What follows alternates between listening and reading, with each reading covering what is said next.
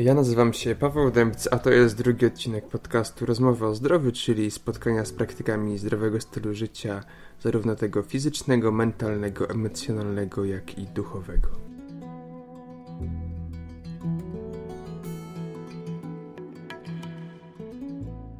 A dzisiaj dowiemy się, co do zaoferowania ma dla nas Ayurveda, czyli jeden z najstarszych systemów medycyny indyjskiej.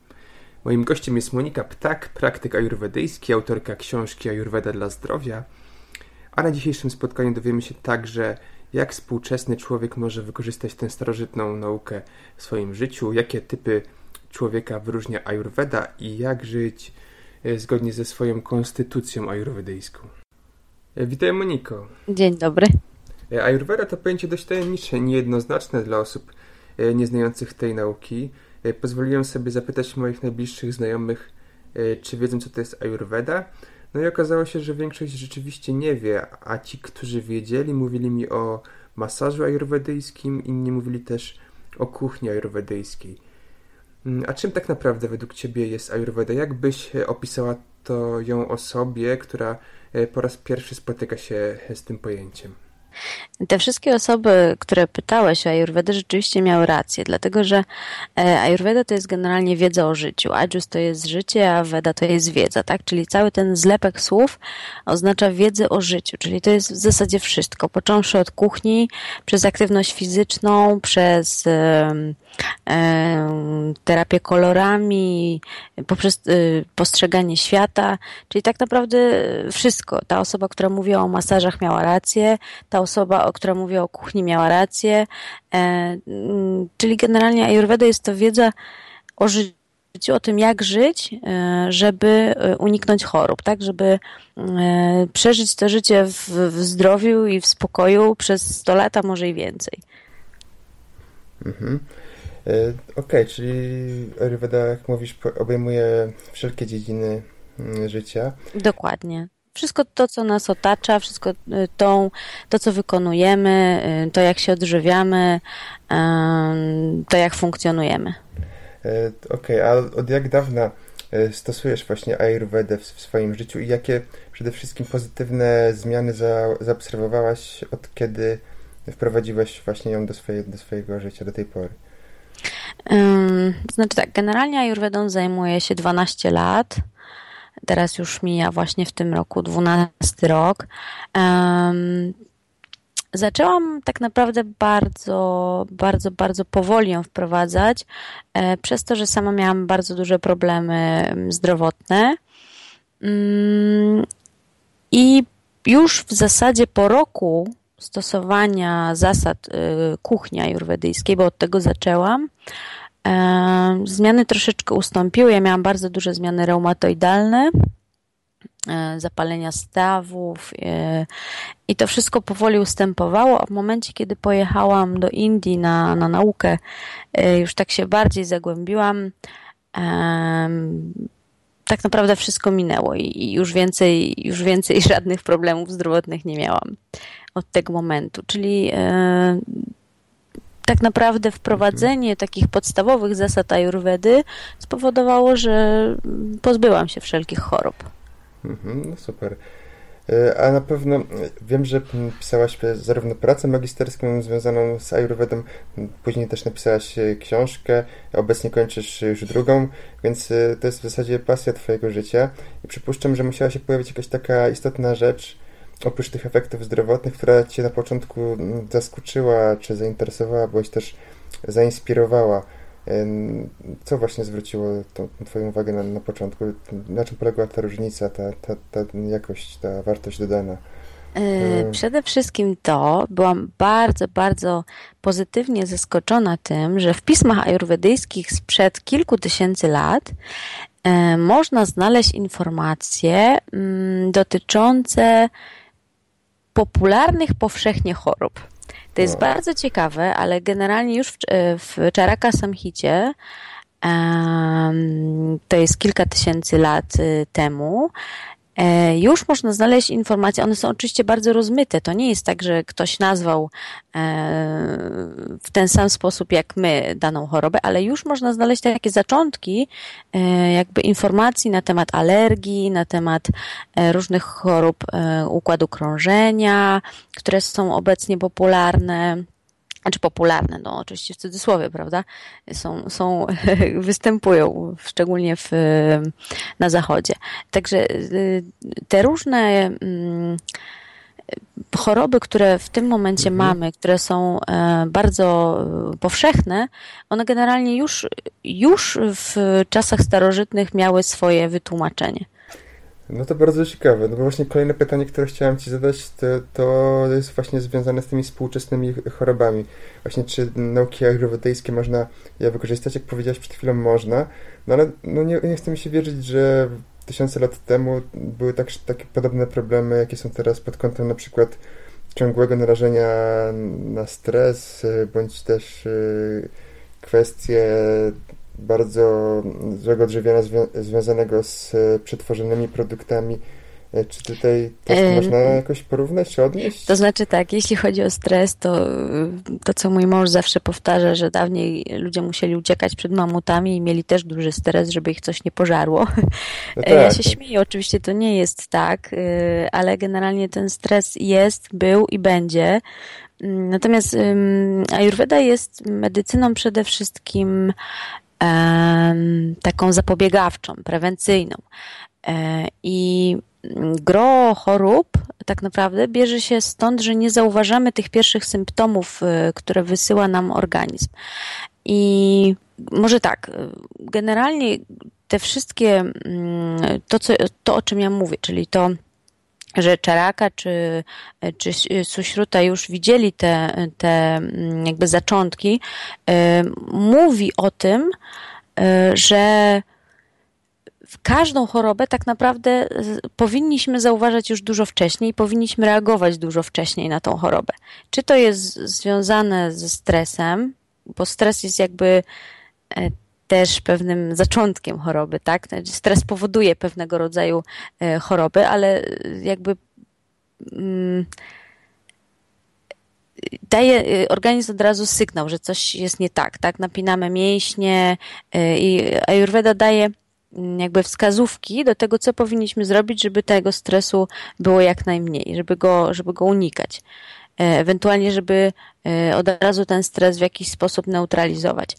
I tak samo tyczy się to innych chorób, czyli e, na przykład jeśli chodzi o złe odżywianie. To nie jest tak, że w dawnych czasach ludzie się odżywiali tylko i wyłącznie super, bo wcale tak nie jest, bo, bo też potrafili zjeść na przykład za dużo naraz, e, co też powoduje pewnego rodzaju dysfunkcje trawienne.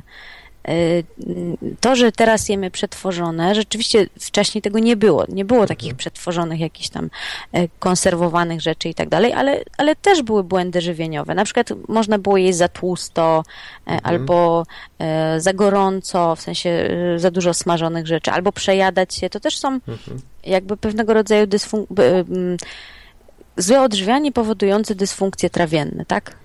No co za tak, tym tak. idzie gro następnych chorób, które się pojawiają. Oczywiście, no szczególnie, że ta dieta kiedyś e, może nie była tak e, może kompletna, bo po prostu czasem jadło się to, to, to co po prostu było, a czasami Dokładnie. się nic nie jadło i więc... I to, te, to też jest źle, tak? Mhm. znaczy, ja nie mówię, że post jest zły, ale mhm. E, taki nie, nieokreślony post, on nie, mhm. nie do końca kontrolowany, to też jest jakby według Ayurvedy nie do końca dobre, tak? Okej, okay. no do, do oczyszczenia wrócimy za moment, bo to też jest ciekawy, mhm. ciekawy temat. Ale jeszcze mam jedną kwestię, która także mnie zastanawia, zarówno w przypadku y, jogi, jak i też ayurvedy, bo te nauki wywodzą się, jak wiadomo, z Indii.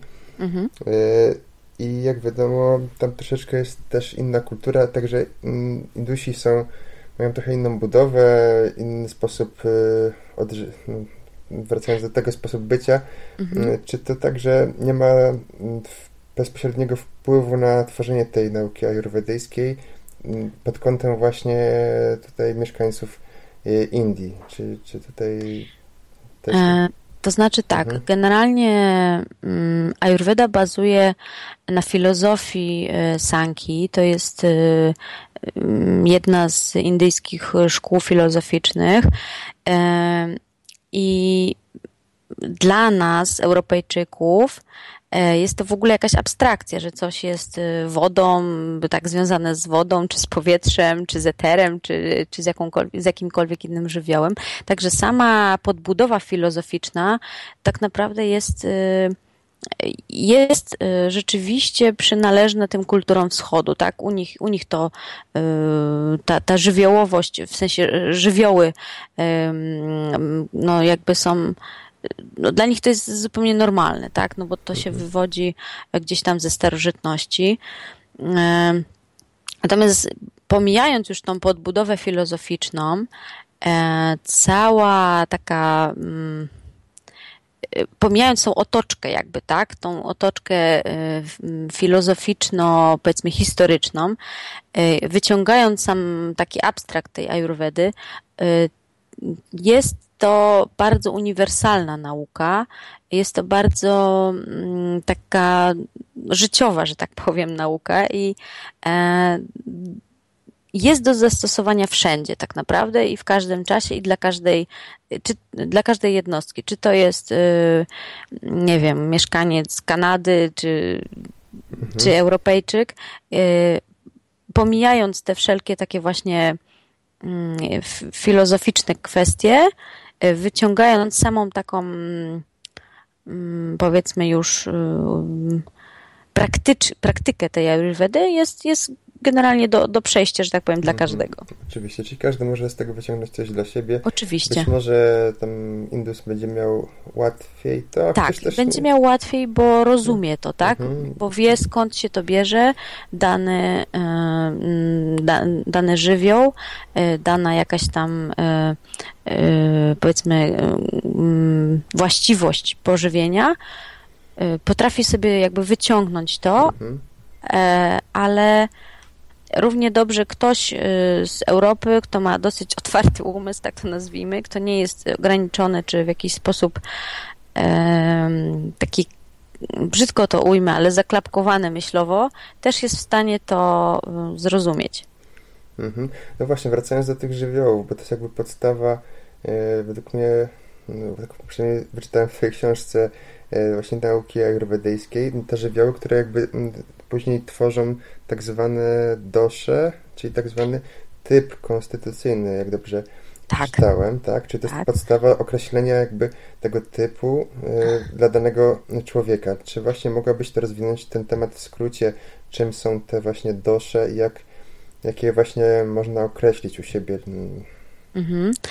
E, to znaczy tak, tych pięć podstawowych elementów, tych żywiołów, one e, kondensuje się w, w ciele człowieka do takich trzech zasad, tak? Czyli nazywamy je właśnie temperamentami lub humorami i one są znane jako tridosza, czyli vata, pita albo kappa. No i teraz tak, e, ta dosza to jest generalnie mm, coś, co się zmienia. Dlatego, że mm, to są takie dynamiczne siły, które się nieustannie poruszają i w takim balansie utrzymują organizm przy no, funkcjonowaniu, przy życiu. One jakby zawiadują wszelkimi procesami, które się dzieją w organizmie, czyli wszelkimi biologicznymi, psychologicznymi, fizjologicznymi funkcjami, ale nie tylko ciała, również umysłu i świadomości. E, sterują procesami y, tworzenia się, życia, a potem niszczenia komórek, czyli generalnie odpowiadają za wszelkie takie no, różne y, fizjologiczne cechy człowieka, ale też na przykład za emocje, za uczucia, za powstawanie jakichś tam skłonności czy y, jakichś tendencji, które y, są we wszystkich y, sferach naszego życia. Czyli jakby są fundamentem psychofizycznej egzystencji człowieka. Mhm. E, I teraz tak, bardzo ważne jest to, że niektórzy ludzie myślą, że dosze są e, przynależne tylko e, do jednego żywioła, wcale tak nie jest, dlatego że dosze są efektem połączenia jakby wszystkich tych pięciu żywiołów, ale jeden lub dwa dominują. I to one zawsze określają tej, charakter tej bioenergii. Tak, żeby to było jaśniej, bo może to jest takie troszeczkę zawiłe. E, chodzi o to, że wata powstaje jakby z kombinacji mm, eteru i powietrza, czyli jakby one dominują, te dwie, tak, te dwa żywioły, eter i powietrze. W picie dominuje ogień, a w kapie dominuje y, woda i ziemia. Mhm. Czyli są te, te trzy typy konstytucyjne, które, na podstawie których określamy e, swój przeważający, przeważający typ.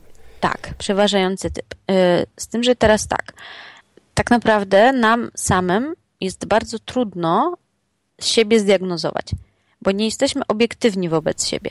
Mhm. Czyli mm, w internecie, czy w ogóle w jakichś tam książkach możemy znaleźć e, różnego rodzaju testy, tak to nazwijmy, różnego rodzaju takie jakby arkusze. No tak, mm. tak, takie tabelki się spotkałem takie tabelki, Próbowałem dokładnie. nawet to właśnie sobie określić, ale to chyba, jak e... mówisz, to nie jest takie proste. Nie? nie, to nie jest proste. To znaczy tak, generalnie proste jest na zasadzie takiej, że mam oczy niebieskie, nie wiem, mam włosy rude i tak dalej, tak? To, to jest proste, ale jeżeli wchodzimy już w takie E,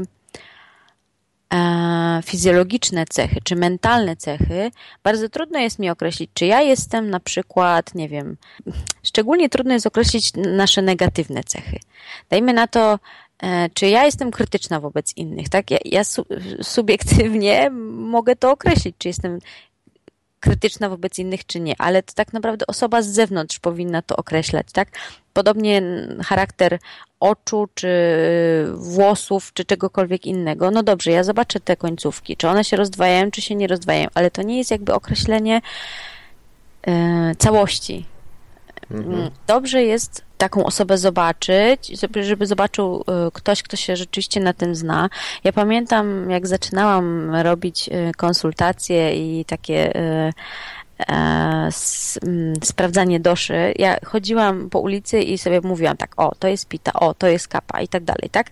Chodziłam mhm. sobie i mówiłam o różnych ludziach, przy czym potem na przykład jak spotkałam tą osobę, e, nie wiem, ze szkoły, czy ktoś mnie poprosił o konsultację i nagle wychodziło, że to jest zupełnie ktoś inny, że to jest zupełnie inna osobowość, bo się bardziej już tak wgłębiłam w to, prawda? zajrzałam do oczu, zobaczyłam na paznokcie, okazało się, że one są zupełnie inne niż, niż tak na pierwszy rzut oka wygląda. Także bardzo trudno jest samemu postawić diagnozę. Dobrze, żeby zrobił to ktoś po prostu obiektywny, tak? Ktoś, kto nie, nie do końca nas zna. No, może mhm. tak. No tak, tak, bo to jest idąc dalej, określenie tego typu jakby określa później nasze postępowanie wobec swojego zdrowia, wobec swojego ciała, e, Dokładnie. otoczenia, więc to jest mhm. bardzo istotne, żeby tego nie pomylić. A z drugiej strony, jeśli się to pomylimy przypadkowo, no to myślę, że to też powinno chyba szybko wyjść, jeżeli zaczniemy się odwrotnie, że tak powiem, e, odżywiać do innego typu to znaczy zupełnie odwrotnie się nie da, no bo no, wiadomo, że, że raczej jeżeli się pomylimy, to naprawdę niewiele, mhm. e, w tym sensie, że tam e, powiedzmy ta, ta konstrukcja wata pita czy pita wata, one generalnie no, no, może nie aż tak bardzo się różnią, prawda? Nie jest to tragedią i rzeczywiście od razu, jeżeli się pomylimy tak naprawdę, e, to wyjdzie. Y, pod tym kątem, że zaczniemy się czuć gorzej, mimo stosowania jakichś tam rad, czyli okaże się, że po prostu ktoś postawił złą diagnozę, albo samemu postawiliśmy złą, złą diagnozę. Mhm. Tak robiąc sobie na przykład taki test internetowy. Dajmy na to. No tak, tak. No i teraz e, idąc dalej, e, na podstawie, tak jak powiedziałem, tej, tej diagnozy dostosowujemy do tego swoje mm, postępowanie wobec swojego otoczenia, życia. No i teraz e, Przypuszczam, że w typowej rodzinie mogą być osoby o różnych doszach, czyli powiedzmy mąż ma całkowicie inną, powiedzmy tam kaper, żona pitę, dziecko jeszcze inną. No i teraz jak, jak, jak tutaj dostosować powiedzmy te posiłki, nie wiem, kolory, tak? Tutaj też mają mhm. wpływ y, muzyka, nie wiem, życie, dynamika życia. Tak. Jak to połączyć, żeby to, żeby to się ładnie układało, żeby każdy nie, nie żył zgodnie ze swoją, swoją doszą?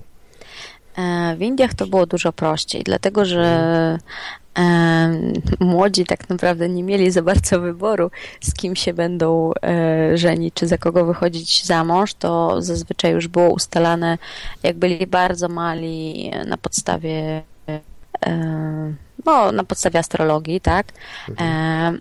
E, więc generalnie często dobierano y, na, na przykład, znaczy dobierano pod kątem tej samej doszy na przykład, przeważającej.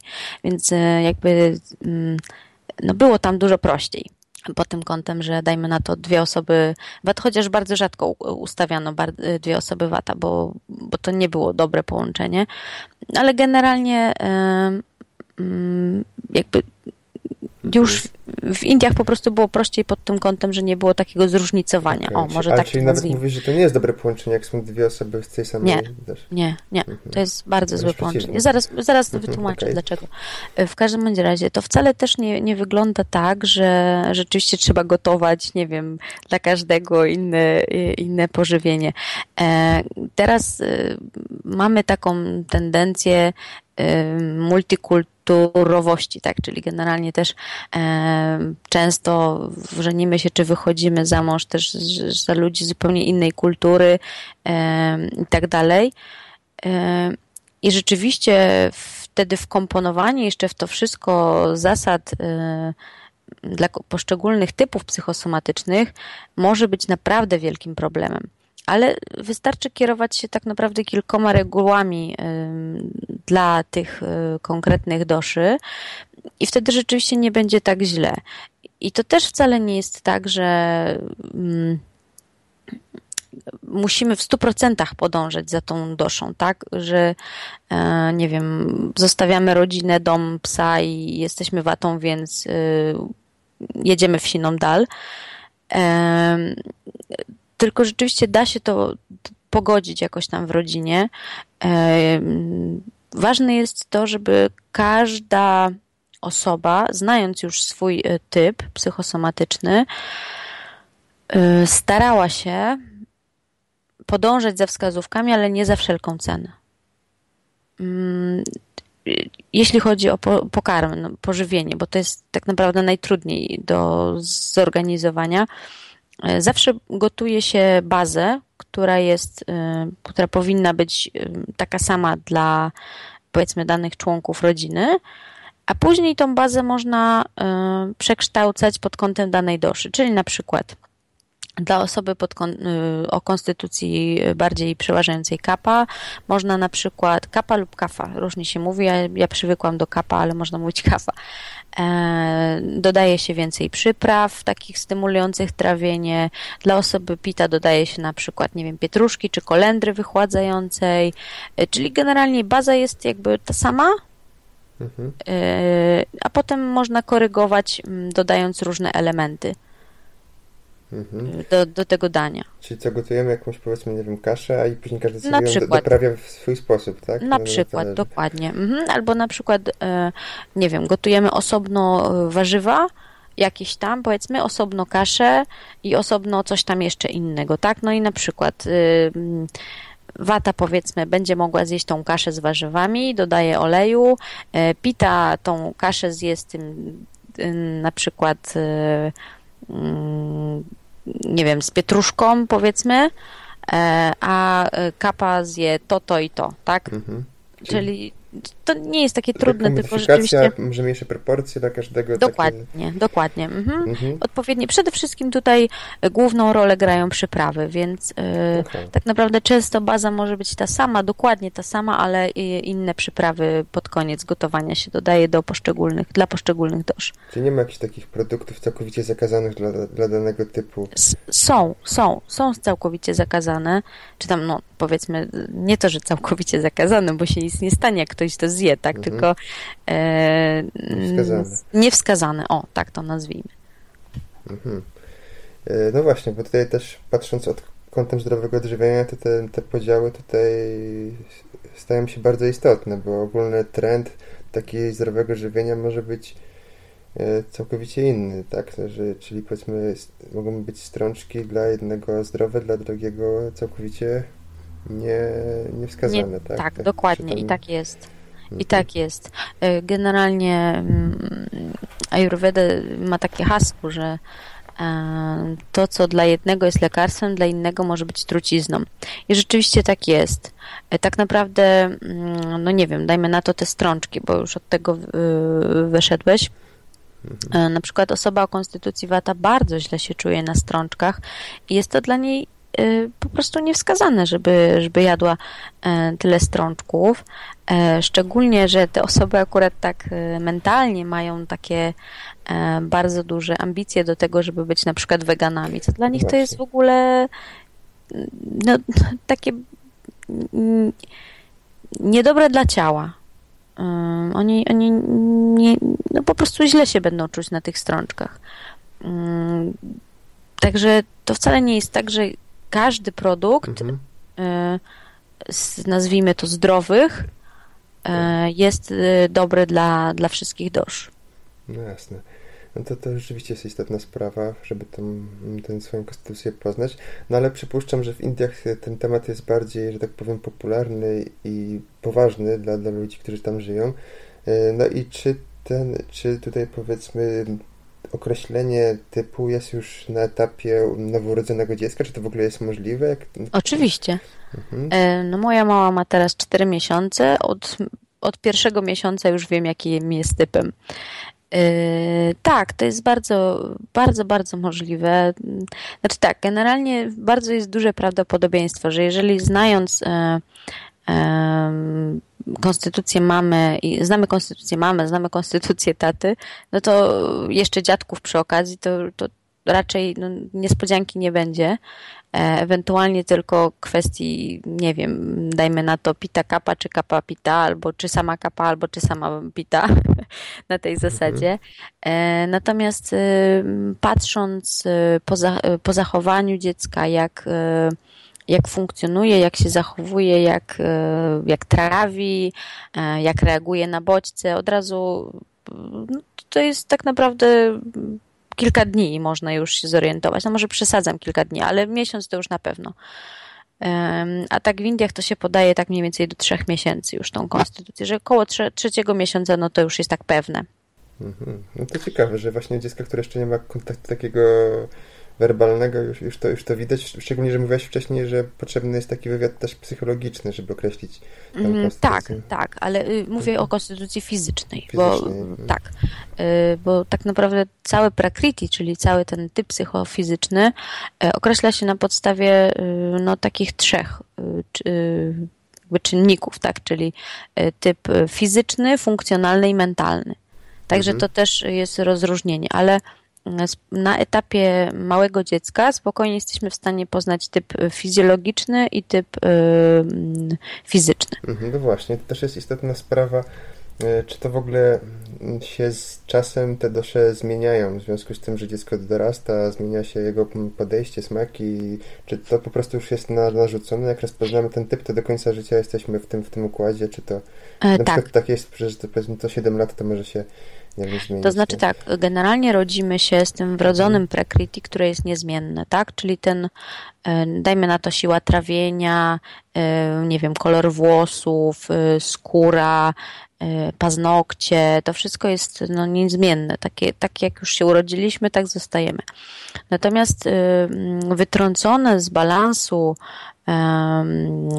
prakriti staje się vikriti, czyli konstytucją w danym momencie. Czyli innymi słowy, e, jeżeli ktoś się urodził, dajmy na to z konstytucją e, Wata, możemy tak e, zacząć od tego, czyli wykazuje wszystkie cechy fizyczne, funkcjonalne i mentalne przynależne do tego typu, a poprzez mm, to, jak żyje, poprzez to, co je, poprzez to, jak się E, nie wiem, jakie, jaką prowadzi aktywność, w jakim środowisku żyje, z jakimi ludźmi się spotyka i tak dalej, czyli przez całą swoją aktywność życiową e, nadbuduje sobie, tak to nazwijmy, dajmy na to pitę, czyli będzie bardzo dużo tej pity e, w sobie miał, może dojść do zaburzenia, tak? Czyli z osoby wata robi się jakby osoba pita, ale to nie jest jej naturalny stan, tylko to jest y, zaburzenie, które trzeba e, po prostu zniwelować. Trzeba wrócić do tego poprzedniego, pierwotnego stanu. Mhm. Czyli zmienić swój stan, ale w sumie nie będzie się w tym stanie dobrze, dobrze czuł. Bo musi tak. być jakoś się, tak. się objawiać. To od razu, dokładnie. Widać. to od razu będzie, będzie, będzie widać, jak najbardziej. No właśnie. A czy znając jakieś podstawy Ayurvedy jesteśmy w stanie sami sobie tą taką diagnostykę chorób przeprowadzić? Czy, czy można, czy to każdym razem musimy się konsultować ze, z praktykiem ayurvedyjskim? Czy, czy można jakieś takie podstawy to znaczy tak, generalnie Ayurveda hmm. mówi, żeby obserwować siebie każdego dnia i to jest bardzo, bardzo, bardzo mądre stwierdzenie, bo E, widząc już pierwsze oznaki, jesteśmy w stanie zupełnie zniwelować jakby zaczątek choroby. Mhm, tak, e, mhm. tak. I teraz każdy z nas jest w stanie rano wstać, spojrzeć w lustro i zobaczyć swój język, czy swoje oczy, jak wyglądają, czy nie są podpuchnięte, E, nie wiem, zobaczyć e, jak wygląda mocz, jak wygląda kał. Jesteśmy w stanie tak naprawdę z podstawową wiedzą, taką e, z, z kilku książek, jesteśmy w stanie sami sobie tą prewencję spokojnie zabezpieczyć. Mm, czyli codziennie wstaję rano, oglądam swój język, patrzę, czy wszystko jest ok. Jeżeli mam jakiś nalot, staram się zdiagnozować E, z czego on wynika, czy, czy to nie jest coś, co zjadłem ostatnio, e, obserwuję swój mocz, czy dużo, dostatecznie dużo piję, obserwuję, e, nie wiem, zwracam uwagę na ruchy ciała, zwracam uwagę na to, czy mnie coś boli, czy nie boli. No to są takie niby rzeczy pomijalne, niezauważalne tak, w tak. normalnym, codziennym funkcjonowaniu, ale mówiące bardzo dużo. Tak, tak. No to jest właśnie bardzo istotne według mnie, żeby zauważyć to, zanim dojdzie do tych takich objawów, że tak powiem, drastycznych rzeczy, czy tak powiem silny ból, czy, czy jakieś e, choroby, tak. które nas unieruchamiają. Dokładnie. E, tak. Ayurveda mm, tak naprawdę ma e, sześć e, bodajże stanów choroby, tak z tego co kojarzę. I ten mm, jakby to postępuje, tak, że najpierw jest e, szczególnie jakieś takie złogi z przemiany materii. To jest, tkwi sobie, daje jakieś tam oznaki w postaci, dajmy na to E, małego, mm, nie wiem, krosteczki czy bólu jakiegoś i to się powoli rozlewa, rozprzestrzenia po całym organizmie, dając coraz większe symptomy, rozlewa się na coraz większe partie ciała.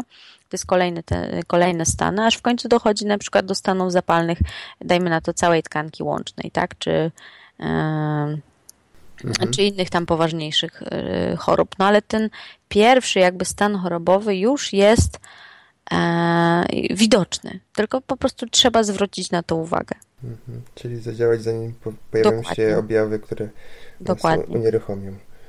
A nie od razu powiedzmy, powiedzmy sięgać e, porady e, dermatologa, jak pojawi się coś, coś na skórze, tylko zastanowić się, czy to nie tak, ma jakiejś skąd to się wzięło, dokładnie. podstawy. Mhm. E, okej, okay, no właśnie, teraz jest kolejny temat, czyli jakby leczenie, bo ten temat także jest e, szeroko rozbudowany w Ayurvedzie. Tutaj nie liczymy, nie liczymy tylko tych, tych skutków, tutaj skupiamy się na wielu mm, aspektach, mm, a także wielu technikach, tak powiedzieliśmy, za pomocą mm, samego żywienia, ale także Mhm. To znaczy tak, mhm. generalnie Ayurveda e, zawsze była i będzie raczej nauką prewencyjną, natomiast rzeczywiście ma bardzo silne terapeutyczne metody, tak, którymi można oddziaływać na organizm. Oczywiście przede wszystkim jest to e, odżywianie, jest to ziołolecznictwo, mm, jest to terapia kolorami, masaże, e, w szczególności masaże punktów witalnych, czyli marma. E, jest to, mm, są to różnego rodzaju kąpiele słoneczne, czyli e, jakby działanie, e, ogrzewanie ciała, o, mhm. E, terapię ciepłem, czyli tak naprawdę, aha, jeszcze mamy oczywiście aromaterapię, czyli terapię zapachem. Chyba jeszcze jest coś takiego jak chromoterapia, tak? Czyli no to, jest... leczenie kolorami, to już, to już mówiłam. Mhm. leczenie również na przykład kamieniami, tak? Też też mają, ka każdy, a leczenie dźwiękiem, mantry też e, mhm. mają swoje duże terapeutyczne znaczenie. E, także tych, tych e, metod jest bardzo dużo, natomiast główną rolę w podstawie każdej choroby gra oczyszczenie organizmu z takich złogów, toksyn, które się nazywają AMA i to są nie tylko te fizyczne toksyny, które się odkładają z jedzenia, ale też to, toksyny mentalne, takie mm, złe, niestrawione emocje, y, takie gnieżdżone w sobie, które też są uważane w Ajurwedzie za podstawę choroby. Czyli nie tylko możemy być chorzy ze względu na to, że się źle odżywiamy, ale też ze względu na to, że na przykład mamy jakieś tam złe emocje, czy, czy właśnie niestrawione uczucia, czy mm, jesteśmy jakoś, jakoś wrogo nastawieni wobec innych ludzi. Mhm. E, okej, okay, no właśnie jeśli chodzi o oczyszczenie, tak powiedziałeś emocji, ale także organizmu, no to także popularny jest termin czy sposób oczyszczenia pańcza karma. Tak. Nawet takie hmm. ośrodki potrafią, to jest dosyć nawet znane, jeśli ktoś się lekko zacznie szukać na temat ayurvedy, to pańcze karmę szybko znajdzie. No i na czym polega, może w skrócie, to oczyszczenie, czym różni się od popularnych ostatnio, powiedzmy, takich detoksów pokarmowych na, na warzywach, na kaszach. E, czy to jest na pewno szerszy temat, ale jakbyś mogła go napisać. Tak, jest to o tyle szerszy temat, że mhm. rzeczywiście jest to temat na pracę magisterską, którą no napisałam na ten temat. E, tak, pisałam pracę magisterską na temat pańcza karmy, sama w niej uczestnicząc. To było bardzo duże wyzwanie, bo będąc w ośrodku właśnie w Indiach, raz na północy, raz na południu, brałam udział właśnie w pańcza karmie, czyli mm, takim zupełnym oczyszczaniu organizmu, ale mm, czym się różni od y, takiego żywieniowego? Przede wszystkim e, tutaj nie oczyszczamy samego ciała, również skupiamy się na umyśle, tak? E, czyli wszelkiego rodzaju techniki takiego, takiej deprywacji sensorycznej, także powinniśmy być y, gdzieś w odosobnieniu, bez y, dostępu jakby do, do różnych mediów, mhm. E, czyli jakby oddać się tak naprawdę y, medytacją, oddać się jakimś takim y, wyciszeniu, oczyścić ten swój umysł z tych złych emocji, to jest jedna rzecz, mm, czym się różni. Druga rzecz y, to są e, to jest masaż właśnie tych punktów witalnych, który stymuluje jakby organizm do samooczyszczenia, tak? To, to nie chodzi tylko o to, że ja fizycznie podam jakieś zioła, które mają e, zadanie e, e, wiązania toksyn i ich wyrzucania z organizmu, ale też sam organizm jest stymulowany właśnie tym konkretnym uciskiem konkretnych punktów do tego, żeby to, to całe zło z siebie wyrzucić, tak to nazwijmy. Kolejna, mm, kolejna różnica to jest to, że w Indiach e, o, tak naprawdę się z nami nie szczypią. Jak już, jak, jak już jakiś Europejczyk e, jedzie na tą pańczakarmę, to rzeczywiście dostaje, mm, dostaje, że tak powiem, full wypas, tak? czyli mm, terapeutyczne wymioty, terapeutyczne biegunki, terapeutyczne lewatywy olejowe i, i nikt się, że tak powiem, nie szczypi z tym.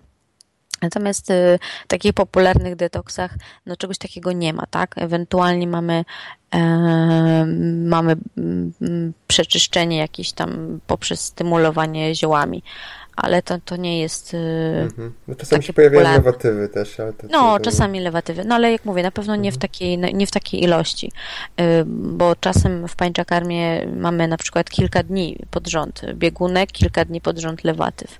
Mhm. Także to, to oczywiście wszystko. To jest cały proces i wszystko zależy od kondycji y, organizmu. Jeżeli ktoś y, idzie na pańczę karmę totalnie zatoksyczniony, tak to nazwijmy, czyli ktoś, nie wiem, kto pali papierosy non-stop jest na jakimś tam śmieciowym jedzeniu, e, rozwiedziony, zestresowany menedżer jakiejś tam wielkiej korporacji, no to wtedy wiadomo, że ten proces jest dużo dłuższy, nawet kilkumiesięczny, wymagający odpowiedniego ułożenia planu, odpowiednich masaży i tak dalej. Mhm. A jeżeli ktoś jest w miarę dobrze się odżywia, jest w miarę dobrej kondycji psychicznej, jedzie na taką pańczakarmę, no to czasem wystarczą dwa tygodnie, żeby e, jakby widzieć już efekty terapeutyczne mhm. tego działania. No nie zmienia to faktu, że tak jak powiedziałaś, musimy się w 100% poświęcić tej, tej pańczakarmie. Nie tak. możemy tak sobie w międzyczasie tam podczas tam życia no właśnie, sobie pańczakarmy robić, tak? To znaczy robi się tak, bo to mhm. też no, no, po prostu się tak robi, bo niektórzy no, nie mają czasu, wyjścia, nie? nie? mają wyjścia, dokładnie. Mhm. Natomiast na pewno nie będzie to takie tak. poświęcenie w 100%. Mhm. I też efekty nie będą stuprocentowe. E, ja e, sama uczestnicząc w Panczakarmie robiłam jeszcze wywiady, miałam zajęcia, prowadziłam dla nich zajęcia, e, także też wiem, że gdybym się poświęciła temu bardziej, na pewno efekty byłyby dużo większe. Natomiast ze względu na to, że miałam milion różnych innych misji, będąc już tam, no bo wiadomo, że czas się chce wykorzystać w jak największym stopniu, mm, no to wiadomo, że ten efekt wtedy terapeutyczny spada. Mhm. No okej, okay, no taka pojęcia karma to rozumiem temat, jak powiedziałaś, jest dosyć skomplikowany. E, przypuszczam, że sam nie zaryzykowałbym, żeby przeprowadzać się samą siebie. No, rozumiem, że trzeba się, szczególnie w tym przypadku, ze specjalistą ayurvedyjskim jak najbardziej E, skonsultować. No powiedz tak. mi, czy w Polsce jest takich specjalistów sporo, no na pewno jesteś, e, czy jak, jak to wygląda? Czy orientowałaś się? Jak, jak to... To znaczy tak, no. ponieważ temat staje się coraz bardziej popularny, dużo więcej osób się tym zajmuje. Natomiast z takich osób, które może inaczej, nie wszyscy z osób znanych mi są terapeutami ajurwedyjskimi. Część jest po prostu osobami, pasjonatami zajmującymi się ayurvedą bardziej teoretycznie. Natomiast y, ja zawsze zachęcam do tego, żeby jeżeli już wykonywać taką pańczakarmę czy oczyszczenie, rzeczywiście miało to ręce i nogi, czyli rzeczywiście, żeby się skonsultować, poznać y, dogłębnie tak naprawdę, co mi jest, y, z czym mam problem, zrobić taki wywiad i dopiero takie, takie działania terapeutyczne przeprowadzić. Jest kilka ośrodków, które prowadzą pańcza karmę. Y, są tam y, na pewno masażyści bodajże ze Sri Lanki, z tego co kojarzę. Generalnie to jest tak, że większe ośrodki sprowadzają po prostu terapeutów czy masażystów z Indii, no bo wiadomo, że to jest opłacalne, tak? E, tym bardziej, że jak ktoś już się decyduje, no to chce, żeby te zabiegi były e, przeprowadzone przez profesjonalnych, e, na przykład indusów. Jasne. No w każdym bądź razie mm, nie chcę tutaj robić reklamy czy antyreklamy takim ośrodkom, natomiast y, raczej polecałabym znaleźć kogoś, kto rzeczywiście Mm, chce dobra dla, dla nas, dla pacjentów, a nie tylko i wyłącznie na tym zarobić. O, mhm. tak to nazwijmy. No jasne, to jest, to jest podstawa.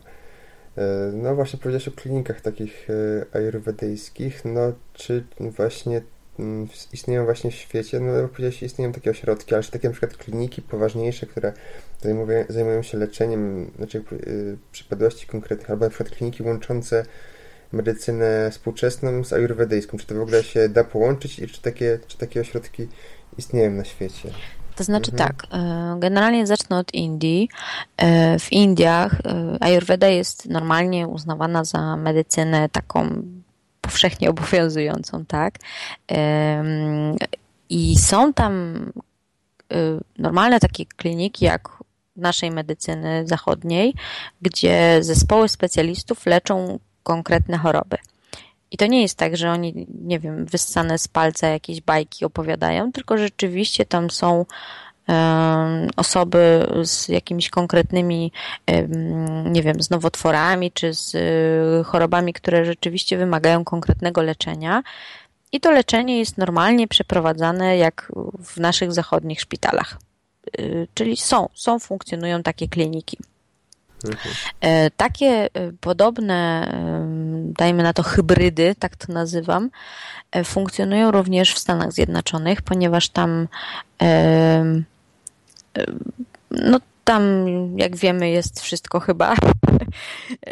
Tak. I rzeczywiście tam, tam bardzo dużo ludzi korzysta z takich hybryd, czyli jakiś klinik czy szpitali zajmujących się leczeniem nie, jakby łączących w sobie dokonania współczesnej medycyny z mm, różnymi starożytnymi, powiedzmy, metodami, tak to nazwijmy. Mhm. Także jak najbardziej takie, takie ośrodki funkcjonują, mają się całkiem dobrze i bardzo dużo ludzi z nich korzysta. Czyli to się nie wyklucza, żeby to połączyć nie, to się... na niektórych płaszczyznach, przypuszczam. Nie, to się nie wyklucza. Czy można przejść znaczy, powiedzmy z jakąś konkretną chorobą, nie wiem, ból wątroby i wtedy w ośrodku nam zrobimy badanie krwi, a przy okazji sprawdzą pod kątem objawów, jeśli chodzi z metody e, to znaczy bardziej e, to jest na takiej zasadzie z tego co się orientuję, że często jest tak, że diagnoza jest stawiana mhm.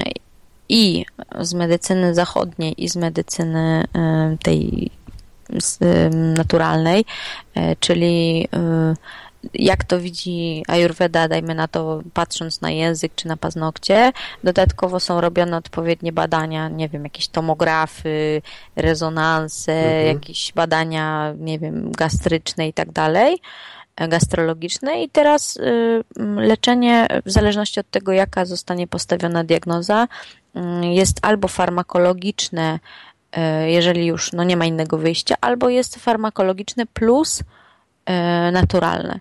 Mhm. Albo czasem się da, że na przykład jest samo naturalne leczenie, gdzieś tam po prostu pod kontrolą e, odpowiednich lekarzy. Mhm. Mm, sama znam przypadek, gdzie mm, mężczyzna miał, nie wiem czy to był, chyba, wydaje mi się, że nowotwór trzustki. W każdym razie taki totalnie no praktycznie nie do wyleczenia już. Mm, skierowano go do kliniki y, w Kalifornii. Ja nie pamiętam dokładnie, jak ta klinika się nazywa.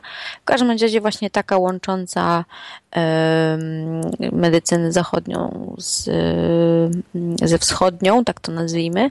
I on pod kontrolą lekarzy Przeszedł najpierw e, właśnie oczyszczanie głębokie organizmu, potem przeszedł terapię zielonową, zieloną, czyli terapię e, różnymi zielonymi roślinami. Potem przeszedł e, terapię kolorami, E, I potem już dokładnie nie pamiętam. W każdym razie chyba, chyba miał jakiś tam farmakologiczny włączony jeden lek, no ale generalnie się udało go uratować. Także i to było gdzieś głośno w takich naszych, że tak powiem, kręgach ajurwedyjskich, że, że taki mężczyzna rzeczywiście no ile było w nim e, chęci życia, to inna kwestia, tak? tak? Ale generalnie coś takiego funkcjonuje. Mhm. No to świetnie też można od razu, że tak powiem, weryfikować albo kierować lekarzy na konkretne miejsca w organizmie, które należy diagnozować już w sposób tradycyjny, e, w sposób e, nowoczesny, że tak powiem. Mhm. Czyli patrząc, powiedzmy, jak powiedziałaś, na język można stwierdzić, czy coś się dzieje tam, powiedzmy, w jelitach, tak? I wtedy można tak, robić diagnozę dokładnie. USG tam, czy tak. mhm. kolonoskopię w tym, w, tym, w tym rejonie. Tak, najczęściej, e, to znaczy tak, generalnie nasza medycyna zachodnia ma problem z różnego rodzaju e, takimi ogólnymi, tak? Bo mówi się na przykład, no nie wiem, większość chorób na przykład objawia się ogólnym zmęczeniem, tak? Czy jakimś tam stanem zapalnym ogólnym. Mhm. na tej zasadzie, że mm, to wszystko jest takie rozmyte, że, że mamy jakieś tam gorączka, y, ogólne złe samopoczucie. Y, I tak naprawdę, żeby dojść do tego, który organ to powoduje, jest bardzo trudno. A w Ayurvedzie często wystarczy spojrzenie rzeczywiście na język czy, czy w, na oko i już wiadomo o co chodzi. No tak, tak. No przypuszczam. No często właśnie trzeba zrobić cały pakiet badań, wszystkich tam tak, markerów dokładnie. krwi, USG. Tak, a tak to przynajmniej wiadomo, który jakby organ, od którego się powinno zacząć, tak? Mhm. No super. Yy, dobrze. Teraz jeszcze chciałbym tak na koniec takie pytanie zadać dla osoby, która chciałaby zacząć wdrażać takie nauki ayurvedyjskie w swoje życie, a jeszcze nie ma takiej wiedzy, to od czego powinien, powinien zacząć? Na pewno przeczytanie jakiejś książki. Przypuszczam, że Twoja byłaby dobra na początek. ale jakieś takie rady na początek Mm, to znaczy tak, generalnie mhm. pierwsze co, pierwsze primo, to trzeba mhm. poznać swój typ. No bo pod, mhm. właśnie pod tym kątem e, dalej powinno się jakby organizować e, życie. Dobrze jest skonsultować się z kimś, kto e, się ayurvedą zajmuje, żeby nie wiem, jakieś tam swoje właśnie pytania, czy jakieś wątpliwości, żeby ktoś to rozwiał, tak? Czy żeby po prostu nakierował w jakiś sposób, e, wytłumaczył pewne kwestie, które są niezrozumiałe. E, no i przystępujemy wtedy do organizacji życia, czyli e, redukujemy te rzeczy, które szkodzą, wprowadzamy te, które mm, równoważą energię, Zastanawiamy się, czy uprawiamy odpowiednią aktywność fizyczną i w odpowiedniej ilości, e, czy mamy odpowiednią pracę i tak dalej. Czyli tak naprawdę takie pierwsze spotkanie z Ayurvedą powinno być takie bardzo jak no takie radosne, tak? Czyli na tej zasadzie, że no fajnie, bo, bo wreszcie będę robić coś dla mhm. organizmu, dla siebie, co przyniesie mi w jakiś tam sposób korzyści, mhm. co spowoduje, że nie będę więcej e, ciężko chorować i tak dalej. Tak, tak. No wiem, w którym miejscu jestem, w którym miejscu, w tak, którym co powinnam zrobić. Tak, mhm, dokładnie. Tak, tak. No ale oprócz tego, że poznamy swój typ, to przypuszczam, że są też jakieś ogólne zalecenia, można powiedzieć, życia czy żywieniowe, jakby wspólne, wspólne dla wszystkich tych typów, e, wywodzące się właśnie e, z nauki ajurwedyjskiej, może łączenia pokarmów, może jakiegoś... Tak, niezależnie od tego, jakim jesteśmy typem, mhm. to króluje kilka zasad, Między innymi to, żeby się nie przejadać, żeby jeść regularne posiłki e, w małych porcjach, e, żeby ten ogień trawienny był ciągle podsycany, a nie przygaszany, bo tak naprawdę większość chorób jest spowodowana tak naprawdę naszym po prostu złym odżywianiem, tak, że gdzieś te toksyny się odkładają i to wcale nie chodzi o to, nawet można jeść super zdrowo, y, na samych kiełkach, jak ja to nazywam, a i tak można mieć problemy, mhm. bo, bo po prostu się je za szybko, za, nie skupia się na tym jedzeniu. Czyli nie przejadamy się, jemy w spokojnej atmosferze, bez stresu, jeśli chodzi o jedzenie oczywiście, tak? Tak, tak. Skupiamy się na tym jedzeniu, czyli nie jemy przy komputerze czy przy, nie wiem, telewizorze, bo wtedy tak naprawdę nie trawimy tego dobrze, tylko gdzieś to tam nasz umysł nie jest nasycony tym, że zjedliśmy i będziemy dojadać kolejną porcję nie, nie jemy zbyt dużo słodkich rzeczy, zbyt dużo, znaczy, może inaczej, nie jemy jednego smaku. Powinniśmy jeść y, po trosze każdego smaku. Y, z takich generalnych zasad, no to co jeszcze? łączenie chyba popijanie, tak? Y, tak, znaczy generalnie jeśli chodzi o łączenie pokarmów, to ja uważam, że im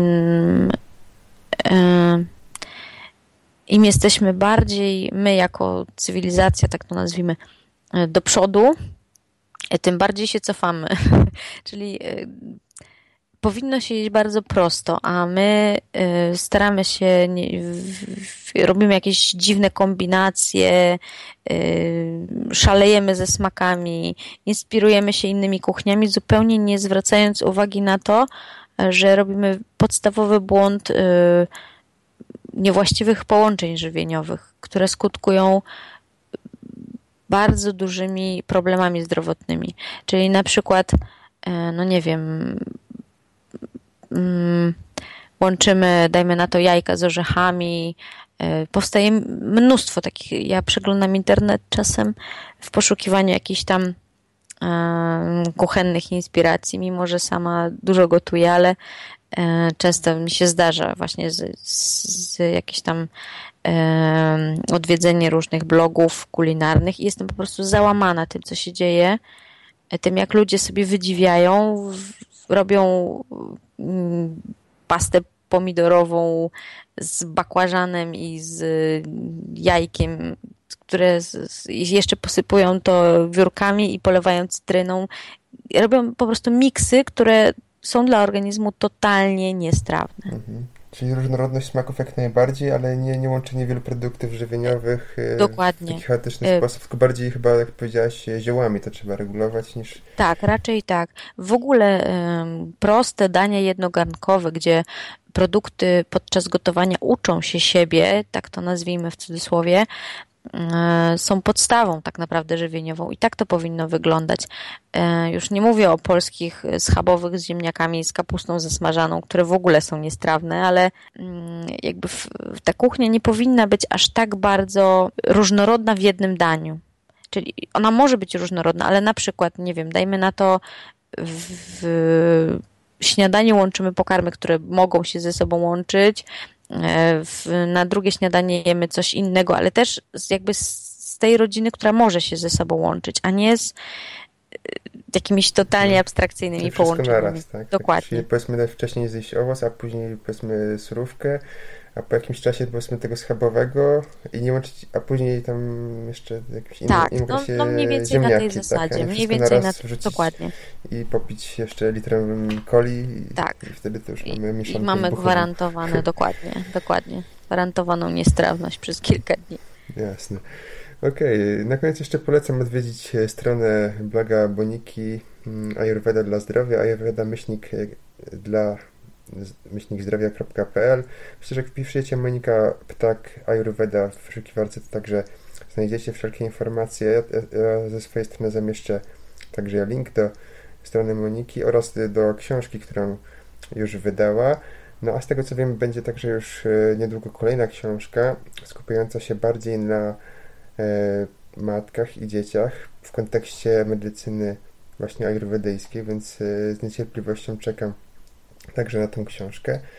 E, a ja Tobie, Moniko, jeszcze raz dziękuję za poświęcony czas, szczególnie, że, że masz tutaj, jak powiedzieliśmy w wstępie, małych e, towarzyszy życia i, i do, do, do usłyszenia. Do usłyszenia.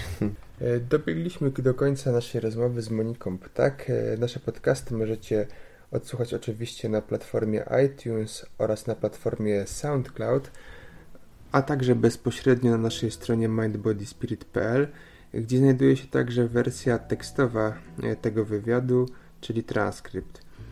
Mm, jednocześnie proszę Was e, o oceny i opinie dotyczące tego oraz pozostałych podcastów oraz ewentualne sugestie co do naszych kolejnych spotkań, tematyki, rozmów, które byłyby dla Was interesujące.